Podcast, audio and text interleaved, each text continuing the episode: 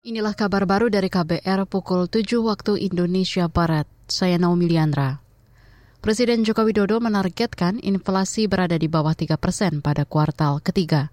Kata dia, inflasi saat ini sudah di bawah 4 persen. Hal itu disampaikan Jokowi usai meninjau pasar Tanjung Sari, Kabupaten Sumedang, Jawa Barat kemarin. Dan inflasi kita memang turun secara nasional dari 4 ke 3,5. Ya, kita harapkan nanti bulan September Oktober sudah di bawah tiga kita harapkan. Sementara itu, Menteri Dalam Negeri Tito Karnavian meminta kepala daerah mengambil langkah tepat untuk mengendalikan inflasi. Tito menyoroti sejumlah wilayah dengan inflasi tinggi, di antaranya Merauke, Timika, dan Manokwari di Papua, Kota Baru, Kalimantan Selatan, serta Luwuk, Sulawesi Tengah. Menurutnya, inflasi perlu dikendalikan karena dapat merusak struktur ekonomi dan mengganggu kestabilan harga pangan. Kita ke Jawa Timur. Saudara, sebulan terakhir LPG ukuran 3 kg langka di Jombang. Iva, salah satu pedagang eceran, menyebut tak punya banyak stok LPG karena pasokan seret.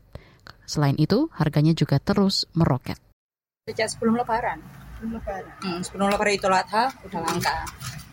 Datangnya tadinya biasa nih bisa tiap hari datang ini enggak, paling enggak dua hari sekali, tiga hari sekali. Lebaran kemarin malah empat hari nggak datang. Harganya kan juga naik.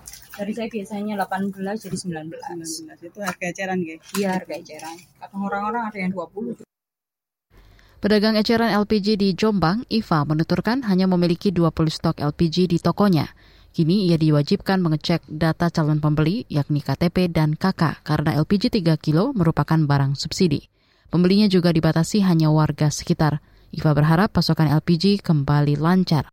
Beralih ke informasi olahraga, petenis Indonesia Aldila Suciadi mencetak sejarah usai lolos ke semifinal ganda campuran Wimbledon 2023. Di perempat final, Adila bersama pasangannya asal Belanda, Matwee Middelkoop, menyingkirkan duet Arifalo Kosyuk, dua set langsung 7-5, 7-6 tiebreak 7-5. Duel ketat itu berlangsung dalam waktu 83 menit. Middelkoop lewat akun Instagramnya berterima kasih kepada para pendukung dari Indonesia. Keberhasilan di Wimbledon menambah torehan prestasi Aldila Middlecup di ajang Grand Slam. Sebelumnya mereka juga mencapai semifinal French Open 2023. Demikian kabar baru, saya Naomi Liandra.